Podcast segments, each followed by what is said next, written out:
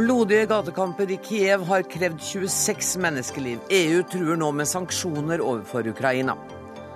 Joshua French er dømt til livsvarig fengsel for drap på Tjostolv Moland. Han burde vært frikjent, mener norsk strafferettsekspert.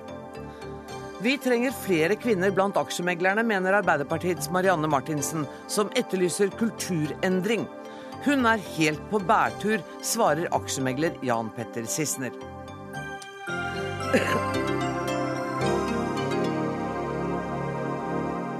Dette er noen av sakene i Dagsnytt 18 der det også blir debatt om kvaliteten på ferdigmat. Men først. Voldelige sammenstøt har igjen blusset opp i Kievs gater. Det er tre måneder siden demonstrasjonene startet, og aldri før har opptøyene vært så blodige som nå. Minst 26 mennesker skal ha mistet livet, mens flere hundre er skadd. Jon Elvedal Fredriksen, Norges ambassadør i Kiev, hva skjer i byen akkurat nå? I dag så har det vært litt roligere enn det var under de voldsomme opptøyene og sammenstøtene i går. Og roligere da i den forstand at eh, demonstrantene har holdt stand inne på Uavhengighetsplassen eh, og vært rolige der. Mens politiet da har stått i ring, eh, tett i tett i ring rundt plassen. Det er det vi har kunnet observert i dag. Og så er vi jo både spent og urolig for hva som eventuelt kan skje i natt. Eh, politiet eh, har fremdeles en jernring rundt plassen. og Vi ser også rapporter om at demonstrantene på sin side nå eh, produserer mange nye Molotov-cocktails. Så hva som kan skje i natt, det tror jeg er nokså usikkert. Men det er fare for, for mer uro. I går var det snakk om at myndighetene vil iverksette en unntakstilstand. Har det ikke skjedd? Um, vi har, altså vi, en gruppe ambassadører, har vært på møte med den ukrainske utenriksministeren nå i ettermiddag. og Han har uh, da sagt at det ikke er innført unntakstilstand.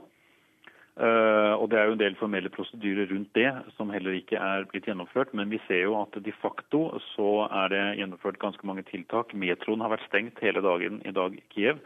Folk er blitt oppfordret til å holde seg hjemme, og skolene har vært stengt. Og uh, Trafikkpolitiet har satt opp uh, veldig mange kontrollposter på innfartsveiene til Kiev, særlig de som går vestover. Derfor hvor man kan tenke seg at det kunne komme flere demonstranter uh, som vil støtte, støtte Maidan. Så ganske mange tiltak av den typen er, er, satt i verk, uten at vi vet noe om hvordan dette vil bli i, i morgen tidlig. Kan du si noe mer om det møtet med utenriksministeren? Hadde du f.eks. inntrykk av at regjeringen nå er mer forhandlingsvillig enn de har vist seg tidligere? Altså, eh, Situasjonen var jo den at uh, man var inne i en ganske langvarig forhandlingssituasjon som har pågått de siste ukene. Og I går, da, da, uroen brøt ut igjen, så skulle parlamentet egentlig da drøfte og, øh, og kanskje vedta også da øh, en konstitusjonsendring som kunne bringe konflikten inn i en ny og, og mer konstruktiv lei. Og Det var i da i samme øyeblikk at, at disse, denne uroen brøt ut. Så har det jo definitivt ikke vært noe rom for forhandlinger de siste døgnet, selv om det har vært møter altså mellom opposisjonen og Eh, president Janukovitsj. Eh, men etter det vi erfarer, så har ikke det gitt noen konkrete resultater. Da vi var hos utenriksministeren i dag, så uh, sa han det at presidenten fremdeles var interessert i forhandlinger, at dette var den eneste veien fremover. Men det var tydeligvis et krav da fra myndighetene at også opposisjonslederne skulle fordømme den volden som har funnet sted fra, fra demonstrantenes side. Og Det er slik jeg oppfatter der, der situasjonen står i kveld. Tusen takk for at du var med oss, eh, ambassadør Jon Elvedal Fredriksen. Tor Bukkvold, du er seniorforsker ved Forsvarets forskningsinstitutt. Eh, hvor alvorlig vurderer du situasjonen å være nå? Mer alvorlig enn den har vært noen gang siden landet ble uavhengig i 1991. Det, det, som skjedde i går, var eh, nok en gang flytta det steinen enda, enda lenger i retning et voldsscenario. Og det som har skjedd i dag, eller det som ikke har skjedd i dag, som da tyder på at i hvert fall presidenten ikke er klar for noe, noe, kompromiss. Det tyder mer og mer på at han har bestemt seg for å kjøre en, en hard linje og sette hardt, hardt mot hardt. Og det, den eneste muligheten jeg kan se da, til en kompromissløsning, må være hvis folk i kretsen rundt presidenten bryter ut og, og starter forhandlinger på egen hånd. Men det, foreløpig er det heller ingen tegn på det. Det eneste jeg så, var at det, parlamentsformannen har samtaler nå med lederne i de forskjellige fraksjonene i parlamentet, men om det kommer ut, og det vet vi ikke. Utenriksminister Børge Brende, deler du eh, den vurderingen at denne situasjonen er verre enn siden landet ble selvstendig?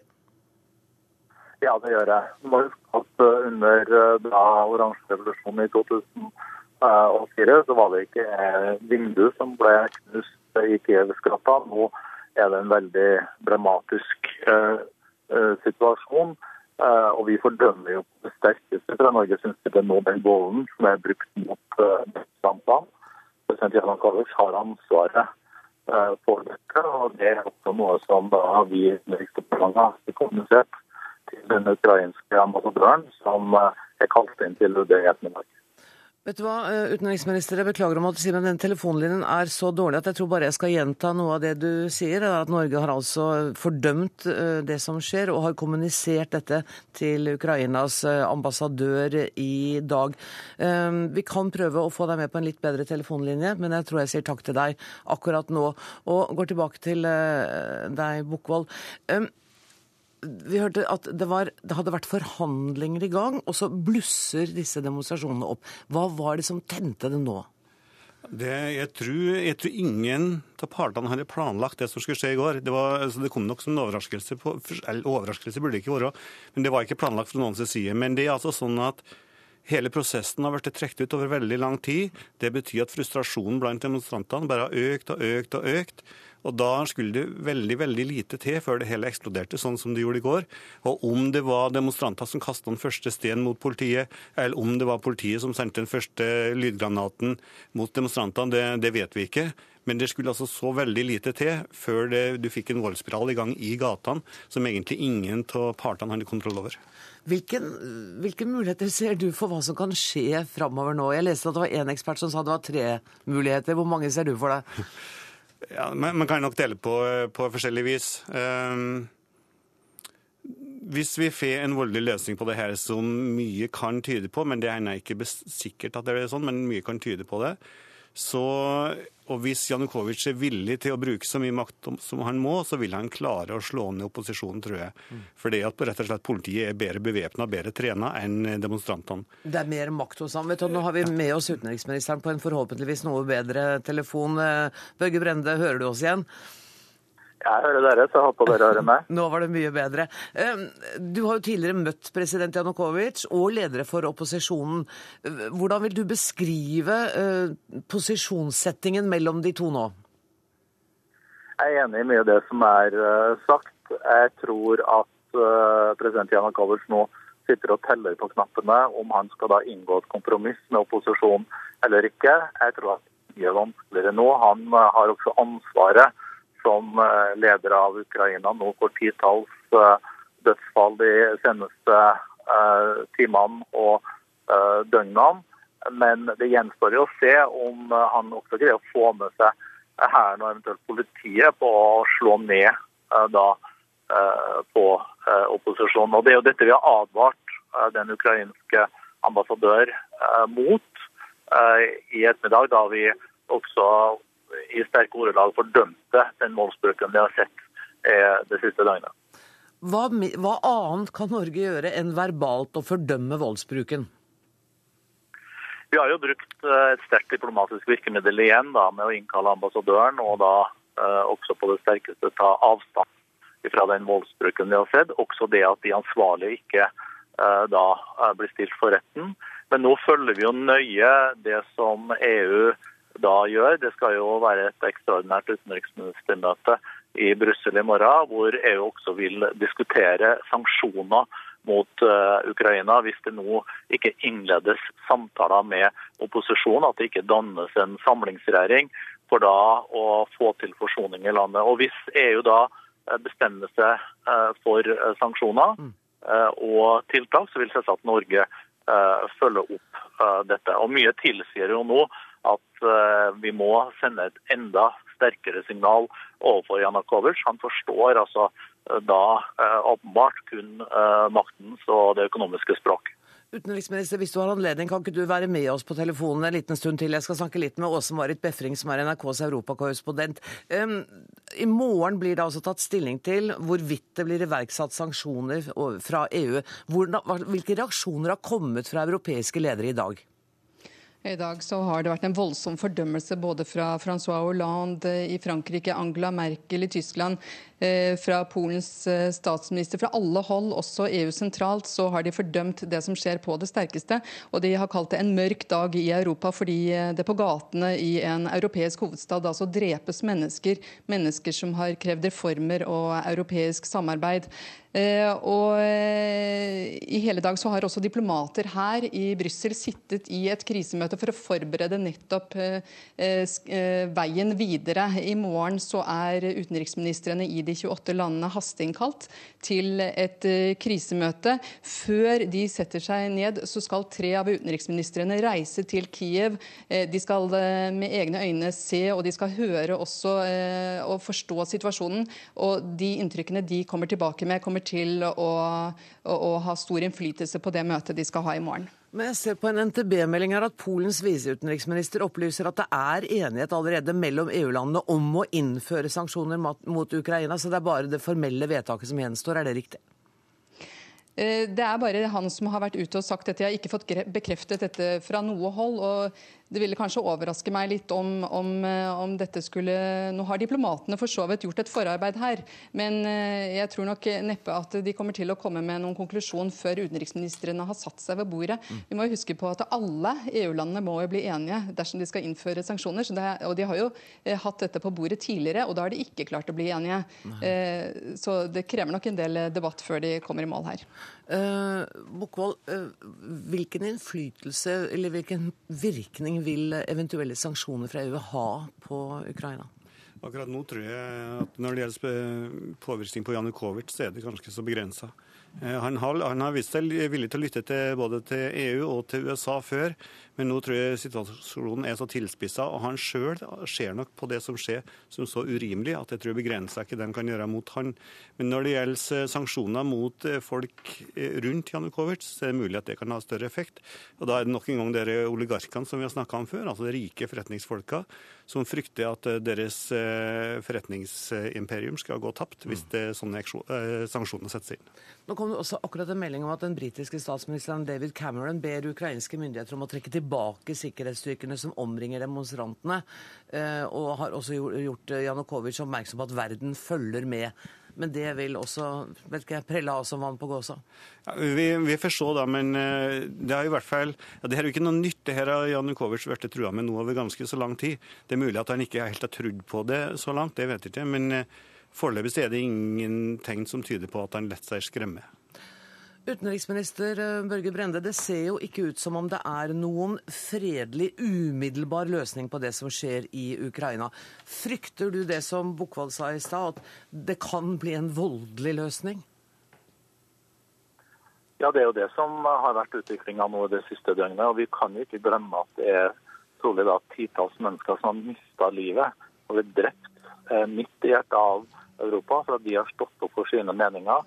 De mener at eh, det skal bli eh, demokrati, at folk må få være med å bestemme Ukrainas eh, veivalg fremover. Det er jo derfor også EU nå seriøst sett vil sette seg ned og diskutere mulige sanksjoner, ikke minst også overfor oligarker og folk som da sitter nær kretsen til Janukovitsj. Men det jeg håper på, er jo at man i de nærmeste timene kan få til en forsoning mellom eh, opposisjonen og Janukovitsj, at man kan bli enige om et veikart eh, for da også å finne gode og fredelige løsninger. En samlingsregjering hvor opposisjonen vil lede an.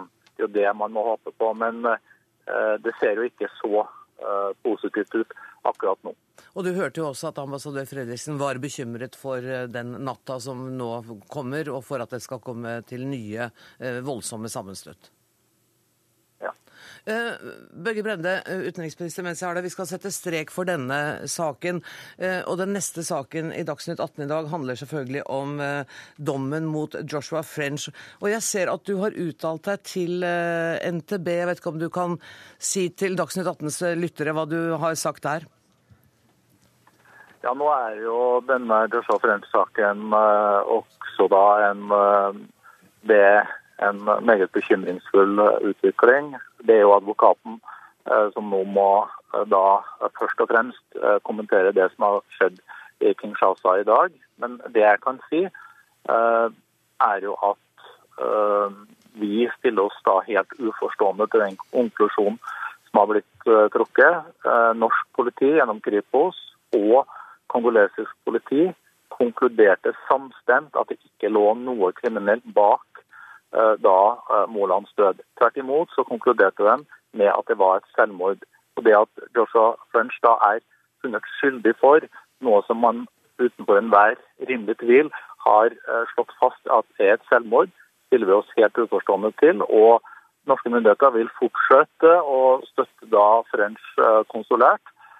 Og vi håper jo at han da også vil kunne komme hjem Eh, til Norge eh, som et resultat av denne prosessen.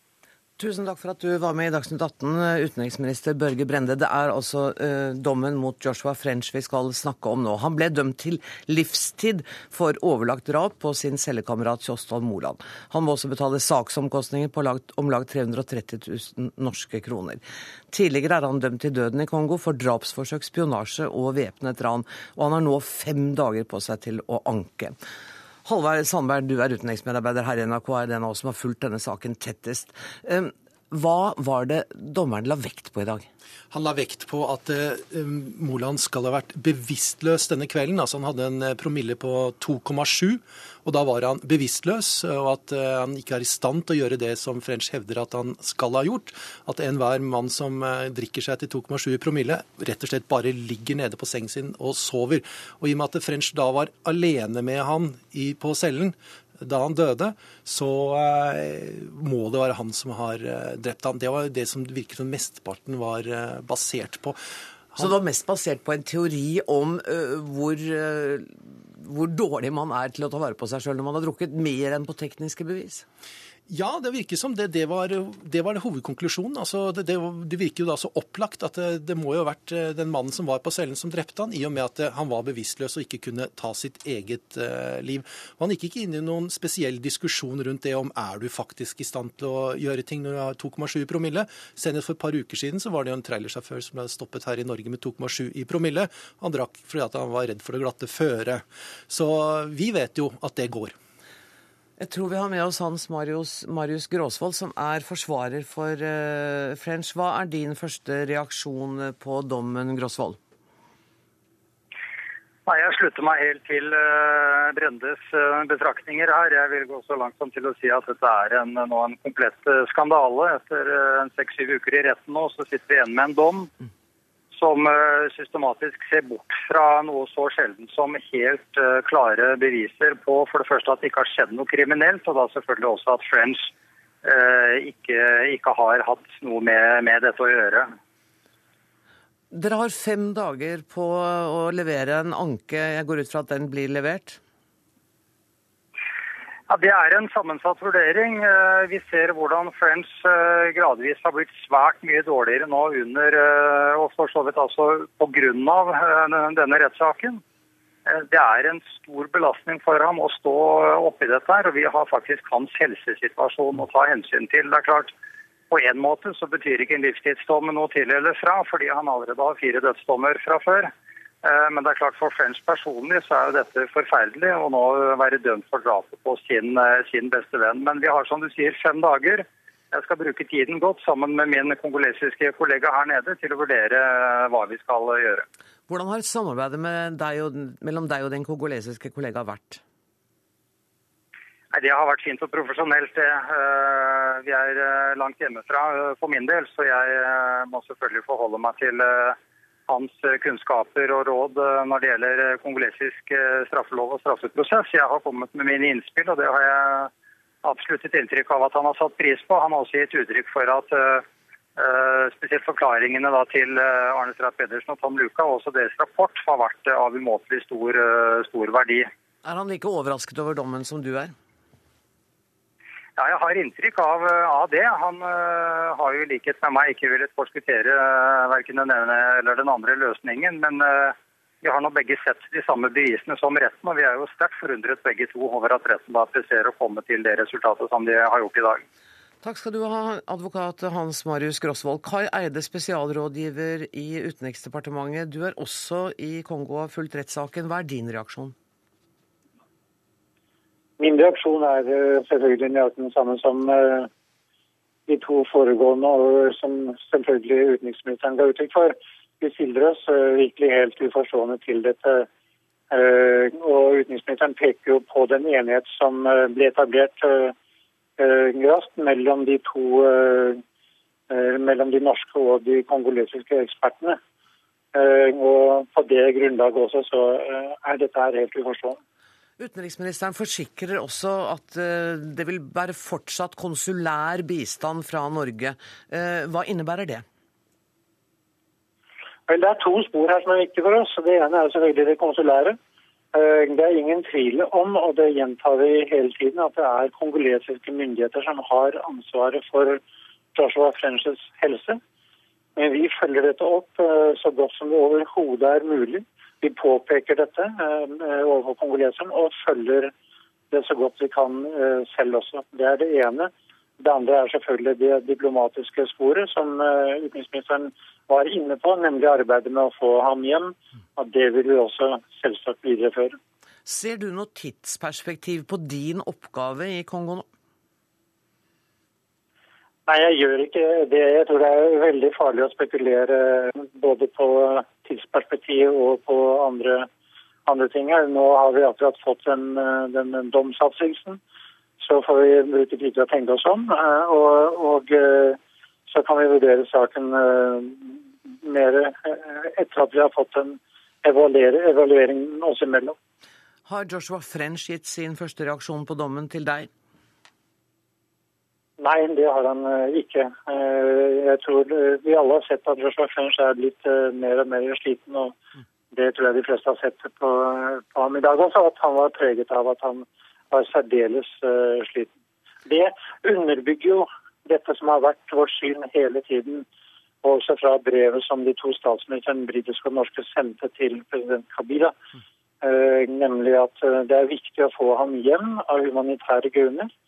Eh, det grunnlaget er blitt sterkere og sterkere ettersom tiden er gått. Tusen takk for at du var med i Dagsnytt 18, eh, spesialrådgiver i UD Kai Eide. Jo Stigen, du er professor ved Institutt for offentlig rett ved Universitetet i Oslo. Eh, er du enig med alle de vi har hørt til nå som sier at han, denne dommen er feil? Jeg opplever veldig ofte å bli spurt av journalister hva ja. jeg syns om en dom, og ja. jeg svarer nesten alltid det kan jeg ikke uttale meg om, for jeg har ikke fulgt saken. Her har jeg sittet i VGTV i studio i Akersgata og sett saken fra dag til dag, time til time, minutt til minutt. Og jeg mener vel at med det bevisbildet som var, så var det galt å dømme. Altså det fremsto ikke som hevet over rimelig tvil, som jo er tema, mm. at French var skyldig. Så det er det strafferettslige, da er jeg uenig. Men det er jo ikke så oppsiktsvekkende alltid at man er uenig i en dom. Men det mer alvorlige spørsmålet som nå man kan stille seg, er om dette har vært en rettssikker prosess i, i betydningen har domstolen vært uavhengig. Og det er litt vanskeligere å ha en sikker formening om, fordi her bruker jo domstolene de rette formuleringene. Man finner det bevist over rimelig tvil. Man støtter seg på den kongolesiske rapporten. Eh, så, så, måten dommen er formulert på, gjør det litt vanskelig å sette fingeren. Fordi man har jo hele tiden underveis fra dommernes side vært veldig opptatt av å vise omveien at her er vi opptatt av rettssikkerhet. Men hvis man eh, eh, reiser spørsmål ved domstolens uavhengighet, så ligger det jo samtidig det en antydning om at de ønsket å få ham dømt. Hva, og hva skulle være grunnen til det? Det vil jeg ikke spekulere i hva grunnen skulle være til det. Det er kanskje litt vanskelig å forstå, og selv har jeg ikke en sånn helt klar formening. Men det er klart jo mer overraskende utfallet i en sak er, jo mer grunnlag for spekulasjon gir det. Men hva motivene skulle være, det er vanskelig, vanskelig å si noe om. Men det dilemmaet som forsvarer nå, og, og klient står oppi, dømte nå står oppe i med å vurdere en anke og en ny, meget krevende runde uh, for uh, tiltalte mot, opp mot den helsesituasjonen, det er vanskelige avveininger? Her er det flere spørsmål å ta stilling til. Det ene er om man har tro på at en anke vil kunne føre frem i det hele tatt. Så er det det at han blir jo stadig dårligere mens saken drøyer ut, og en ny ankerunde vil være tøff. Og så kan vi heller ikke se bort ifra at denne dommen har ikke nødvendigvis den største praktiske betydning, for han har jo en dom fra før. Og det kan også tenkes at French tenker som så at hvis han får reise hjem til Norge til slutt etter en diplomatisk prosess, så kan han kanskje leve med at han er drapsdømt i Kongo. Hvis han har fått et inntrykk, som han jo får nå, av at ikke man setter så stor lit til den dommen i Norge, så han vil kanskje ikke få det stigmaet man vanligvis får når man er drapsdømt som eh, tilbakevendt nordmann. Han kan jo legge vekt på det også. Men, men, muligheten for å få ham hjem, vil det være med begrunnelse i humanitære forhold, eller vil man kunne be om en soningsoverføring? En soningsoverføring ser jeg på som utelukket. Det er i og for seg kurant mellom stater å avtale soningsoverføring, men da måtte jo Norge love at man skulle akseptere den kongolesiske dommen, og at ikke det ville bli tatt opp på nytt spørsmål om skyld i Norge. Det vil jo norske myndigheter. Når vår utenriksminister så klart tar avstand fra denne prosessen, så kan vi ikke samtidig si men han kan sone dommen i Norge. Og da ville Kongo tape ansikt. Så det mest sannsynlige utfallet, er, sånn som jeg ser det, er at han enten benådes av presidenten, eller så er det visstnok også en mulighet for amnesti fra parlamentet. En politisk løsning er nok det sporet man må følge. Og Det er du enig i, Sandberg, at det er en politisk løsning som ligger i det nå, som er en mulighet for å få Joshua French hjem? Ja, altså Jeg har jo snakket med flere fra den kongolesiske regjeringen om dette spørsmålet her, og det er helt klart at det, det som er viktig, er å ikke tape ansikt, og det å vise at de er en suveren stat og ikke lar seg diktere av andre. slik at det, Hvis de nå kunne se at det, se den stakkars nordmannen har ikke tålt klima, han hatet vennen sin, og det endte med drap, og det vi syns så synd på han, så vi benåder han og sender han hjem. Og det ser du, ser du, på som en Det ser jeg som en helt kurant løsning på denne saken her, jo. Tusen takk for at dere kom eh, til Dagsnytt 18, både Jo Stigen, som er professor ved Institutt for offentlig rett ved Universitetet i Oslo, og til deg også, Halvard Sandberg, som er utenriksmedarbeider her i NRK. Dagsnytt 18 alle hverdager klokka 18.00 på NRK P2 og NRK2.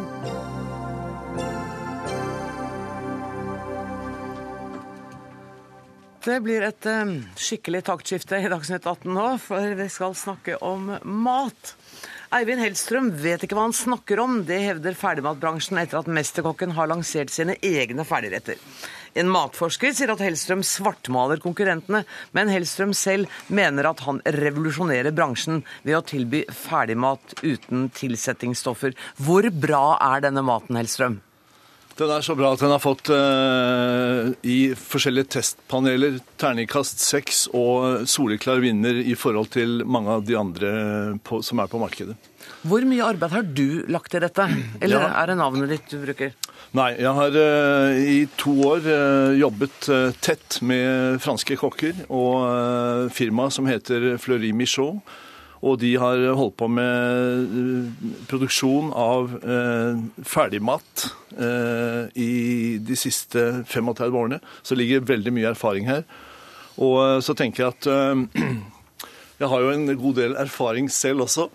Og har stått på et kjøkken i, siden, siden, jeg var 16 år gammel. Og nå plutselig så ser jeg faktisk muligheten til å kaste meg inn i dette ferdig matmarkedet fordi Som du har går... vært så i protest mot i alle år. Ja, og det fortsetter jeg å protestere. Ja. ja. det fortsetter jeg å protestere mot, fordi jeg mener at eh, ferdigmatbransjen har et eh, klart og tydelig forbedringspotensial. Og eh, nå har jeg kommet inn med mine produkter. Og da får vi nå se i forhold til hva som skjer videre. fordi mitt utgangspunkt er at Eh, og dette er en del av min egen misjonering. Eh, jeg har reist rundt i landet de siste årene, og jeg har sett hvor, hvordan folk sliter for å få til maten hjemme, mm. og hvor mange da er henvist til matindustrien. Og de har ikke noe valg, fordi de klarer ikke, og de kan ikke, og de orker ikke. Og da mener du at matindustrien er for dårlig. Og det reagerer du på, Gunnar Lindberg, som er kokk og produktutvikler hos Fjordland. Ja, det er riktig. Jeg, jeg er det. Eh, altså, vi, for det første vil jeg si at vi ønsker Eivind velkommen på banen, vi altså. Eh, vi, som gamle vi... kolleger så måtte du jo si det. Jo. Jeg veit at dere har jobba sammen. ja, det er riktig det. Vi har det. Men det er helt ærlig, hvor forbanna er du nå?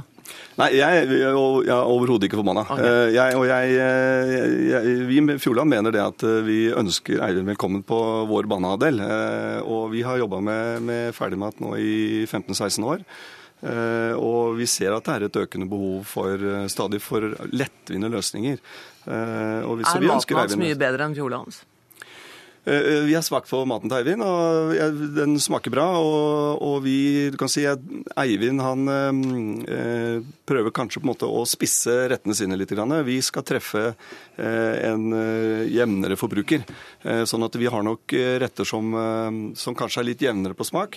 Men så har vi nå i det siste også jobba med retter som vi prøver å spisse litt. Blant annet så har vi hatt et, et samarbeid med Gastronomisk institutt for å finne retter som, som er litt mer spissa på smak. Da. Ja, jeg blir liksom jeg får litt sånn kjedelig følelse når noen sier at vi må ha retter som er litt jevnere på smak. Altså, det, litt sånn, det høres litt grått ut for meg.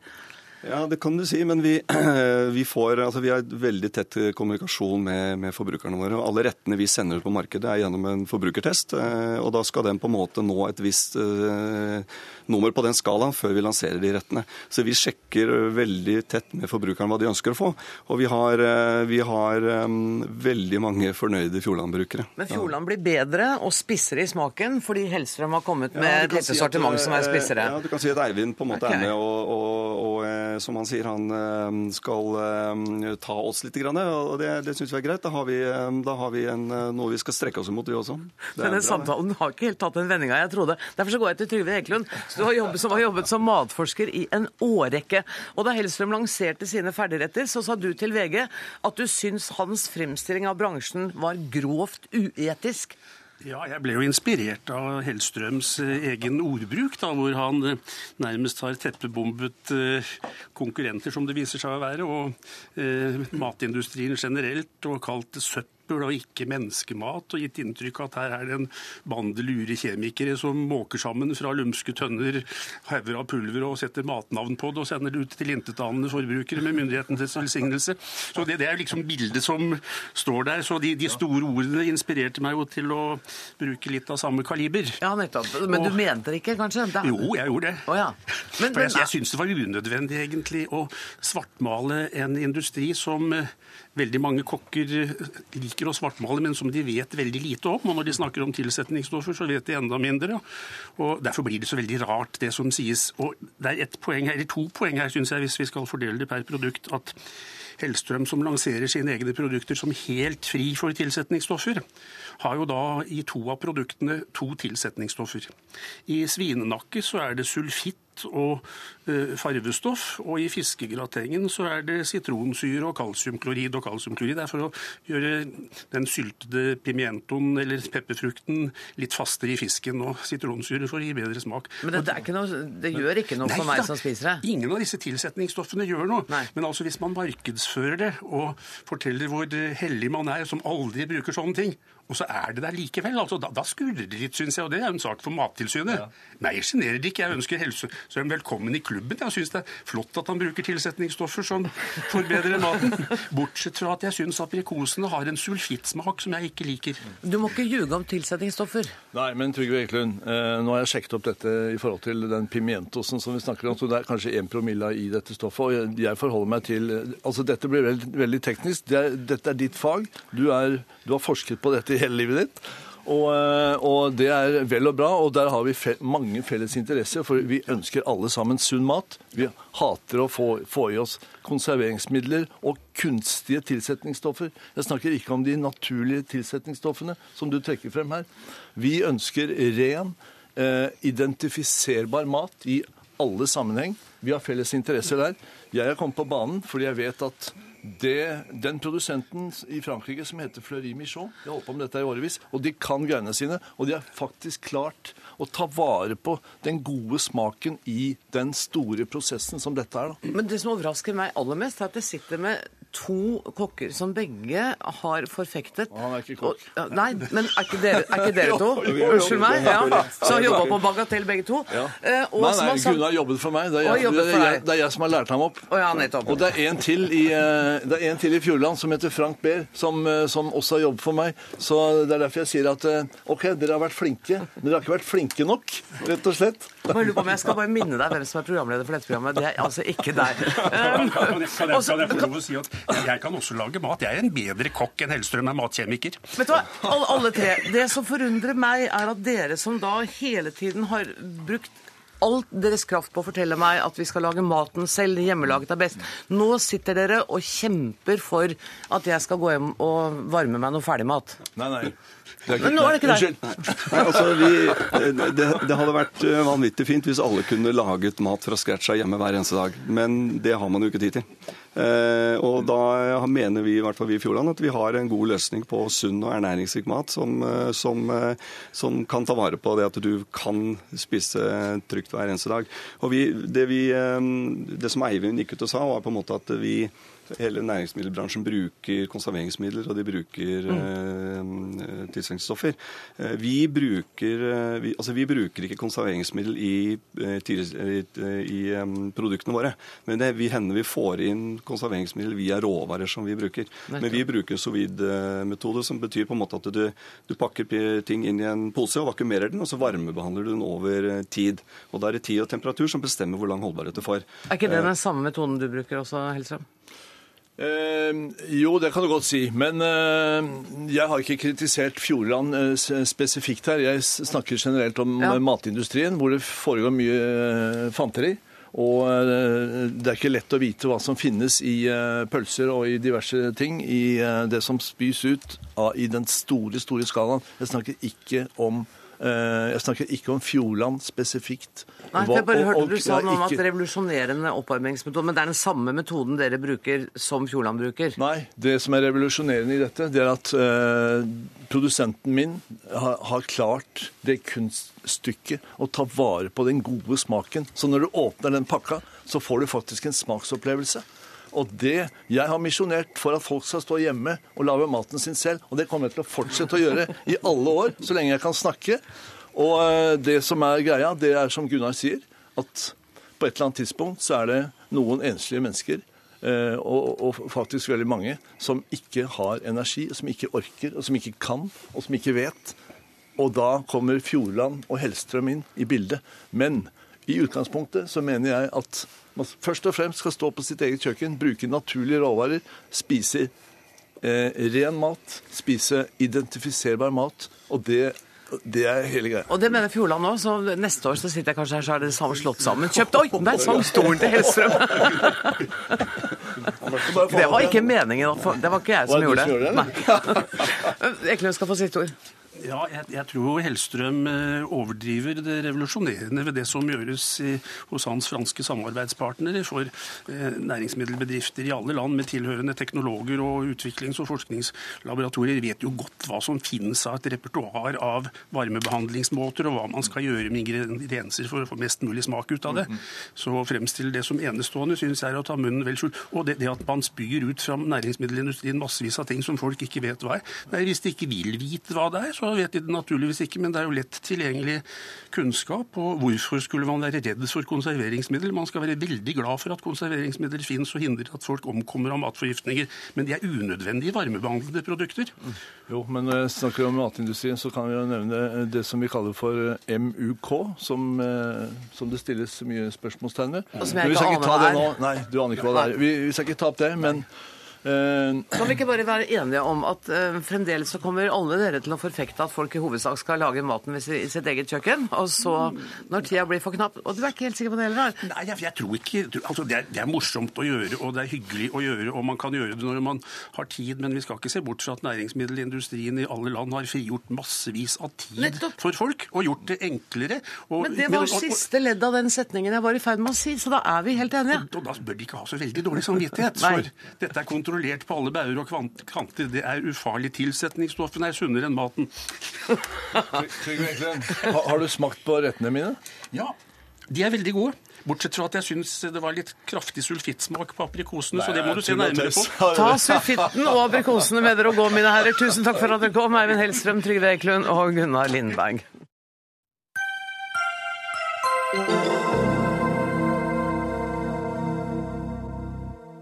De matglade herrene ut av studio før vi går over til neste sak, som skal dreie seg om handel. For i seks år har en frihandelsavtale med Colombia ventet på godkjenning av Stortinget fordi situasjonen for menneskerettigheter ikke har vært god nok. Men nå vil regjeringen få fart på sakene og sende avtalen til Stortinget for at den skal bli ratifisert. Og det burde den absolutt ikke bli, sier du, stortingsrepresentant for SV, Heikki Holmås. Hva er det som er så gærent med å ratifisere en frihandelsavtale som har ligget klar siden 2008? Det at du setter godkjentstempelet på arbeidslivet, på menneskerettigheter, på arbeidslivsrettigheter i et land som beviselig bryter disse menneskerettighetene og arbeidslivsrettighetene hele tiden, det er sånn at eh, Jeg så positive anslag når eh, Erna Solberg satte menneskerettigheter opp og tok det opp med Putin når hun var på OL i Sotsji. Men vi ser altså at med en gang det, til det kommer til hard politikk, altså politikk som handler om hvordan lager vi regler, hvordan lager vi avtaler, hvem inngår vi avtaler med, så har de altså tenkt å sette godkjentstempel på Colombia. Og det var uaktuelt for SV å sende en, eh, en frihandelsavtale med Colombia til Stortinget for ratifisering, rett og slett fordi at bare i fjor så melder Amnesty at 90 mennesker, menneskerettighetsaktivister ble drept i Colombia. Det er jo riktig at dere ikke sendte den til Stortinget, men sannheten er jo at din regjering faktisk tok arbeidet med å utarbeide den i detalj og gjøre den klaffet og klar til Stortinget. Det er riktig, og det var fordi at vi hadde en forhåpning om at menneskerettighetsutviklingen skulle gå i positiv retning i Colombia. Men altså så sent eh, som eh, i 2013, eh, oktober 2013, så var det flere amerikanske delegater i Kongressen i, i USA som fikk laget en rapport på menneskerettighetsutviklingen. For USA har også en frihandelsavtale, men de har en frihandelsavtale der de i tillegg har en avtale om å fremforhandle og frem, arbeide for bedre menneskerettigheter i USA. Men de konkluderer med at menneskerettighetsutviklingen ikke i, er ikke tilfredsstillende, og de konkluderer med at handelen har ikke kommet de fattigste til gode. Og Dermed kan ikke du bruke det argumentet heller. Og Da stiller jeg spørsmålet hvorfor i all verden skal vi sette godkjentstempelet på Colombia på den måten regjeringen nå gjør? Kristian Norheim, Frp, andre nestleder i utenriks- og forsvarskomiteen. Hvorfor skulle vi sette godkjentstempel på Colombia? For det første er det feil. Det er absolutt ikke å sette noe godkjentstempel på Colombia. Verken på arbeidstakerrettigheter eller andre rettigheter. Eh, men det vi snakker om, er en frihandelsavtale som har ligget der på bordet siden 2008.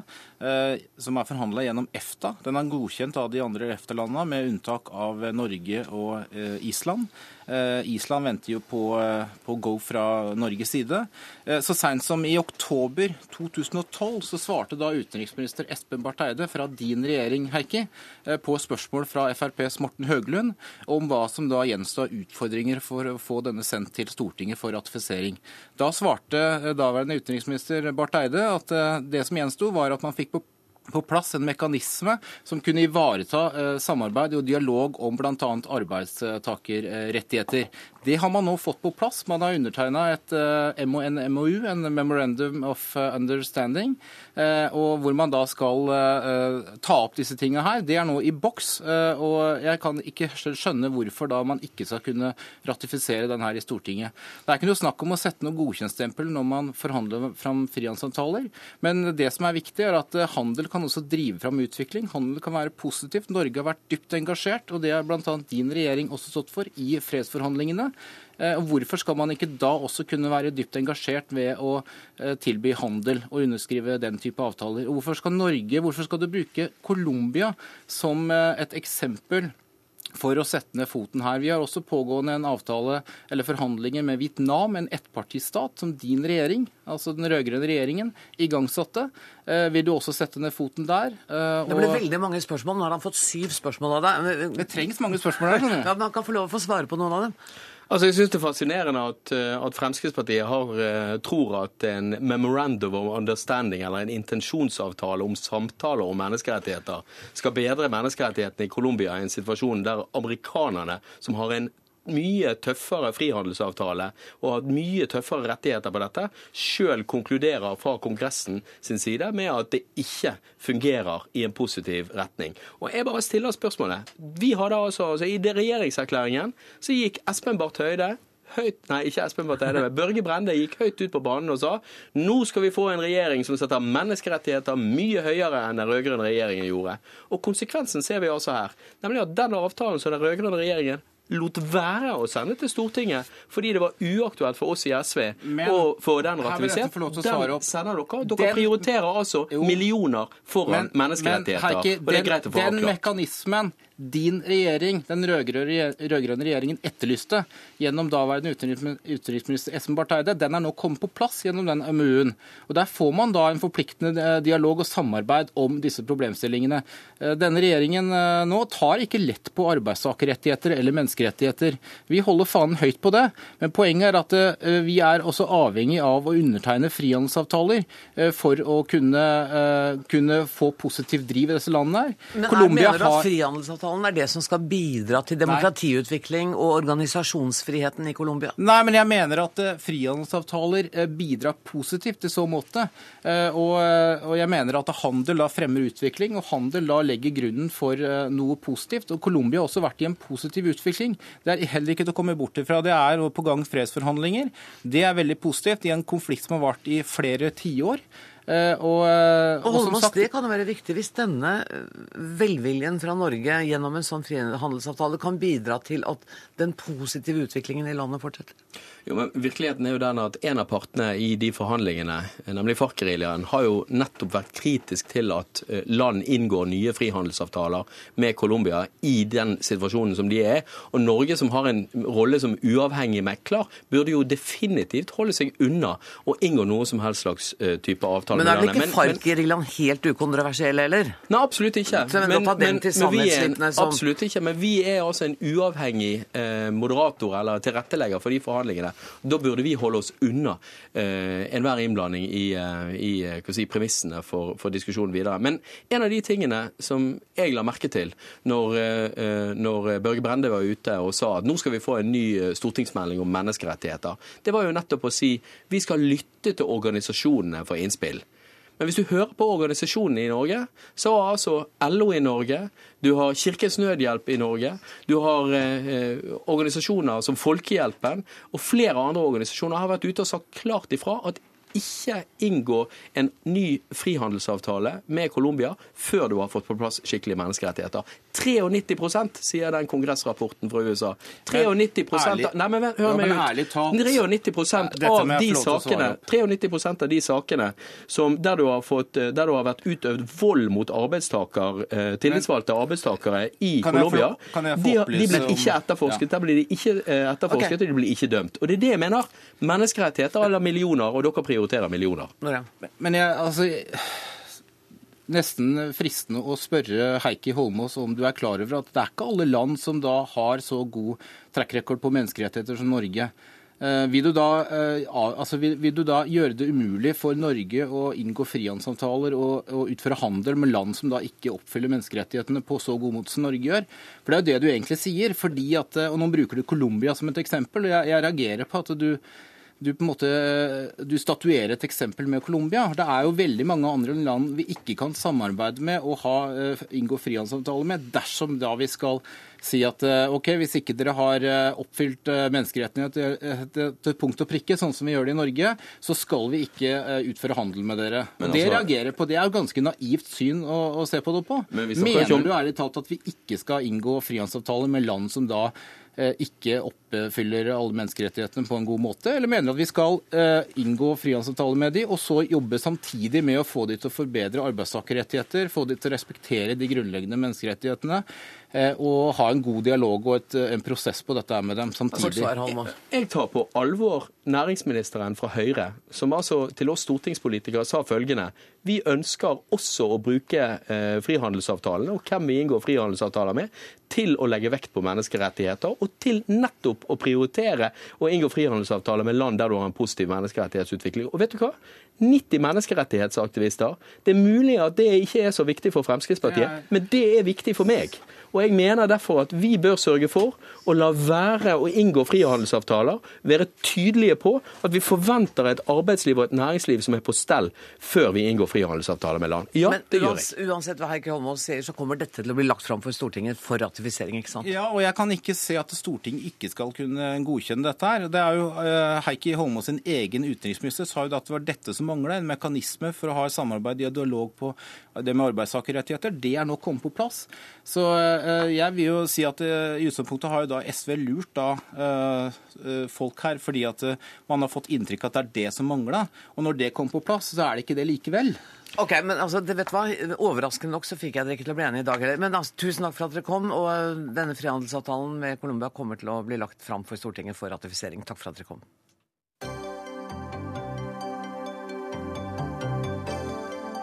Hør Dagsnytt 18 når du vil. Radio NRK Radio.nrk.no.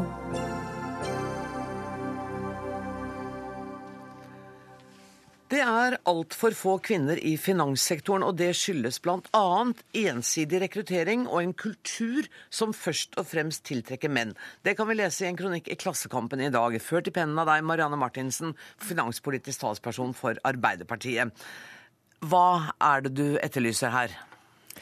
Jeg etterlyser eh, først og fremst en debatt, faktisk. Jeg har jo faktisk skrevet en kronikk som, som, starter med et spørsmål, for en gangs skyld. Og det er det ikke så ofte politikere gjør, vi er jo gode på å pushe løsninger ofte. Men det jeg spør om, er om det kan være sånn at kvinnemangelen i finanssektoren i seg sjøl utgjør en risiko.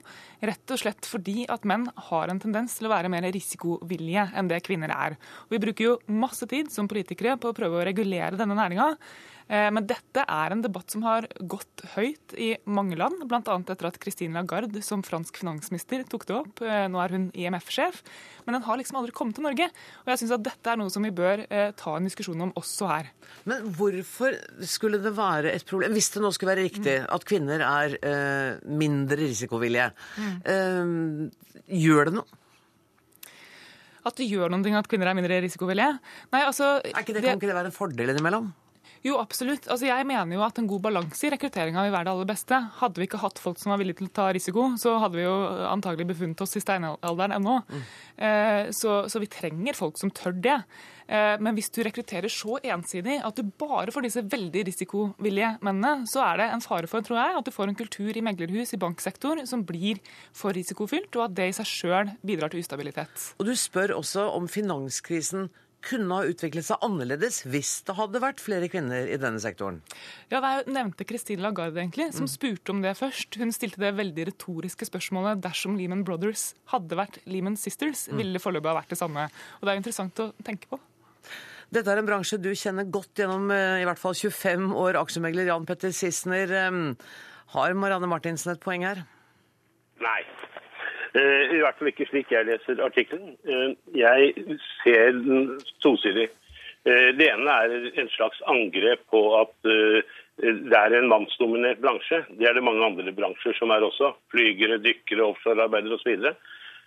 Jeg tror samtlige meglersjefer, eller samtlige sjefer i meglerfirmaer i Norge, har, og også internasjonalt, har et sterkt ønske om å rekruttere flere kvinner. Har hatt det, har rekruttert dem, men har mistet dem fordi rett og slett jeg tror de har andre prioriteringer enn det å jobbe 14-16 timer i døgnet og være i en konkurransesituasjon hver eneste dag. En del av dem har flyttet, eh, av de kvinnene som har overlevd, de jobber stort sett innenfor backoffice, risk management eller eh, corporate finance, og ikke på meglerbordene.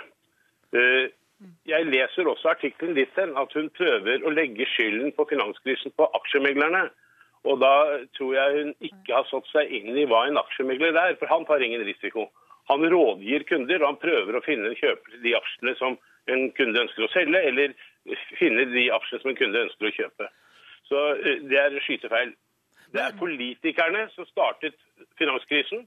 Det er politikerne gjennom sin manglende oppfølging, sitt lemfeldige regelverk, som må ta en betydelig andel av den finanskrisen vi har vært igjennom. Ok, men la oss, la oss, la finanskrisen ligge litt, og heller snakke om mangelen på kvinnelig arbeidskraft blant eh, aksjemeglere f.eks.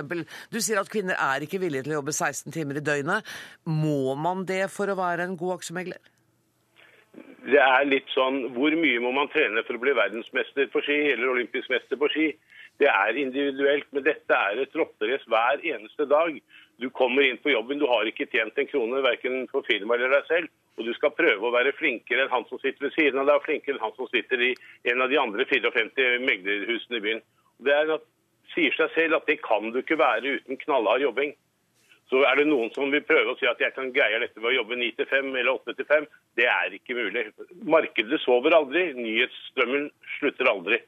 Marianne Martinsen, kanskje kvinnene ikke er innstilt på å bruke så mye av døgnet sitt på jobbing? Jeg mener at Det som Sissener sier nå, i og for seg illustrerer behovet for å ha denne type debatt. Eh, det har vært gjort forsøk på å reise den tidligere. og Mye av det som kommer fram eh, når man snakker om, om eh, denne næringa, er jo det som kanskje er fordommer mot næringa i forhold til at du er nødt til å jobbe ekstremt lange dager, mye reising. Eva Grinde hadde en kommentar i, i Dagens Næringsliv for et par år siden hvor hun, hvor hun uh, satte det på spissen. Hvor hun, hvor hun, sa at du er nødt til å f.eks. være med på spennende utenlandsreiser der du etter en lang dag med en ubrutt rekke forretningsmøter kan runde, runde, av med å holde deg oppdatert på det siste innen poledancing. Og, og, og, og, den type holdninger til denne næringa gjør det vanskeligere å rekruttere kvinner. Det er det jo ingen som helst tvil om. Så hører jeg at Sissener mener at dette ikke er et stort problem. En av de som, eh, som har kontaktet meg etter, eh, etter, at denne kronikken sto på trykk i dag, eh, det er DNB, som gjennom DNB Markets er største arbeidsgiver for aksjemeglere i Norge. Og de mener at dette er et problem. De anerkjenner at det er et problem. At det ikke bare handler om at det er fint og flott med kvinner på arbeidsplassen, men at det i seg sjøl kan påvirke risikovillighet. Så de ønsker å jobbe med dette. Og Sissener, Du sier at du har erfaring fra at kvinner har vært ansatt i slike stillinger, men dere har mistet dem. Ser du at det er noe dere kan gjøre for å holde på kvinnene, eller er det ikke så farlig om de ikke er der? Altså, det, jeg er, har prøvd i hele min karriere i hvert fall, å rekruttere kvinner og prøve å beholde på kvinner, for de myker opp et ellers ganske så tøft uh, kan du si, meglebord. Uh, for det kan være tøft på mange måter. Og Jeg hører hva du sier om det. Jeg tror alle meglersjefer du ville snakket med, Mariann, ville vært enig med deg. Man ønsker mer kvinner, man vil ha mer kvinner, man betaler godt for kvinner. Men kvinner vil ikke selv, de brenner ut i løpet av noen år. Men er næringa selv villig til å jobbe med kultur, fordi at man ser at det er bra ikke for kvinner nødvendigvis å få lov til å bli aksjemeglere, men for næringa selv for å dempe risiko? Ja, nå er det jo slik som jeg prøvde å si det selv, at meglere tar ikke risiko. Nei, nei. risiko. Du, du, har egne avdelinger som gjør det. Jo, men altså, Meglerhusene har jo vært ganske sentrale i å utvikle en del handelsmetoder som har bidratt til å bygge opp risiko, f.eks. den eksplosjonen som vi så i shorting i forkant av, av finanskrisa. Ja, så må man bestemme seg om det er lov å shorte eller ikke, men det er klart det, det påvirker mye. For det, øh, og det er en helt annen debatt.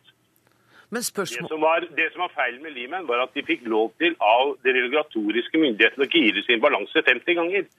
Det er der politikerne har sviktet. Det er der de regulatoriske myndigheter har sviktet. Når du, som du gjorde i USA, ytet lån på fire nuller, du behøvde ingen egenkapital, ingen jobb, ingen inntekt og ingen rente og ingen tilbakebetaling. Men nå, nå svinger vi litt vekk fra temaet. for ikke engang, du, du, sier vel ikke at det er politikernes skyld at det ikke er flere kvinner i, som aksjemeglere? Nei, nei, men jeg sier det ble trukket frem eh, at risiko meglere er risikotaking. Mm. Det er det ikke. Dernest så ble du eh, jeg, altså, jeg, Alle vil ha kvinner, og, men de, de Finn dem for oss! Det er, ja, det er klart de vil det. Og som jeg var inne på, Det myker opp miljøet, det reduserer ikke risikotagningen. Det er, det er et, får du lov til å liksom låne 100% på boligen din, så gjør du kanskje det. Mm. Men, men sist det kan jo hende at kvinner til og med bidrar med mer enn å myke opp miljøet? Ja, men De kan være dyktige aksjemeglere, men de er ikke villige til å satse på det som karriere. og Det har du sett de aller fleste meglerfirmaene har prøvd og prøvd. og Det er derfor jeg sier det samme som i DNB. De, alle meglerfirmaer bare viser oss kvinnene som har lyst til å satse på karrieren. Altså nå, nå foregår det et prosjekt i BI-regi på tirsdag kommer det 40 jenter på besøk til DNB Markets, som selv har tatt kontakt med dem fordi at de ønsker å se hvordan dette kan være en karrierevei for dem. Og Den type holdninger som du forfekter her, eh, vil jeg si bidrar til å øke barrieren for å gå inn. Altså, det, det, Hvilke holdninger er du mener jeg forfekter? da? Nei, Du sitter jo og forteller at dette er noe som du ser at kvinner backer ut av og ikke ønsker å være en del av, fordi at det er et rotterace og at det er en røff tone på meglerbordet. Men den uh, tonen blir uh, mindre røff uh, nå når vi nærmer oss slutten av Dagsnytt 18. Og jeg er nødt til å si tusen takk til dere begge to for at dere deltok. Marianne Martinsen fra Arbeiderpartiet og Jan Petter Sissener, som altså er megler. Denne sendinga er slutt. Ansvarlig for Dagsnytt 18 i dag har vært Bjørn Atle Gillestad. Det tekniske ansvaret er det Lisbeth Sellreite som har. Jeg heter Anne Grosvold og takker for nå.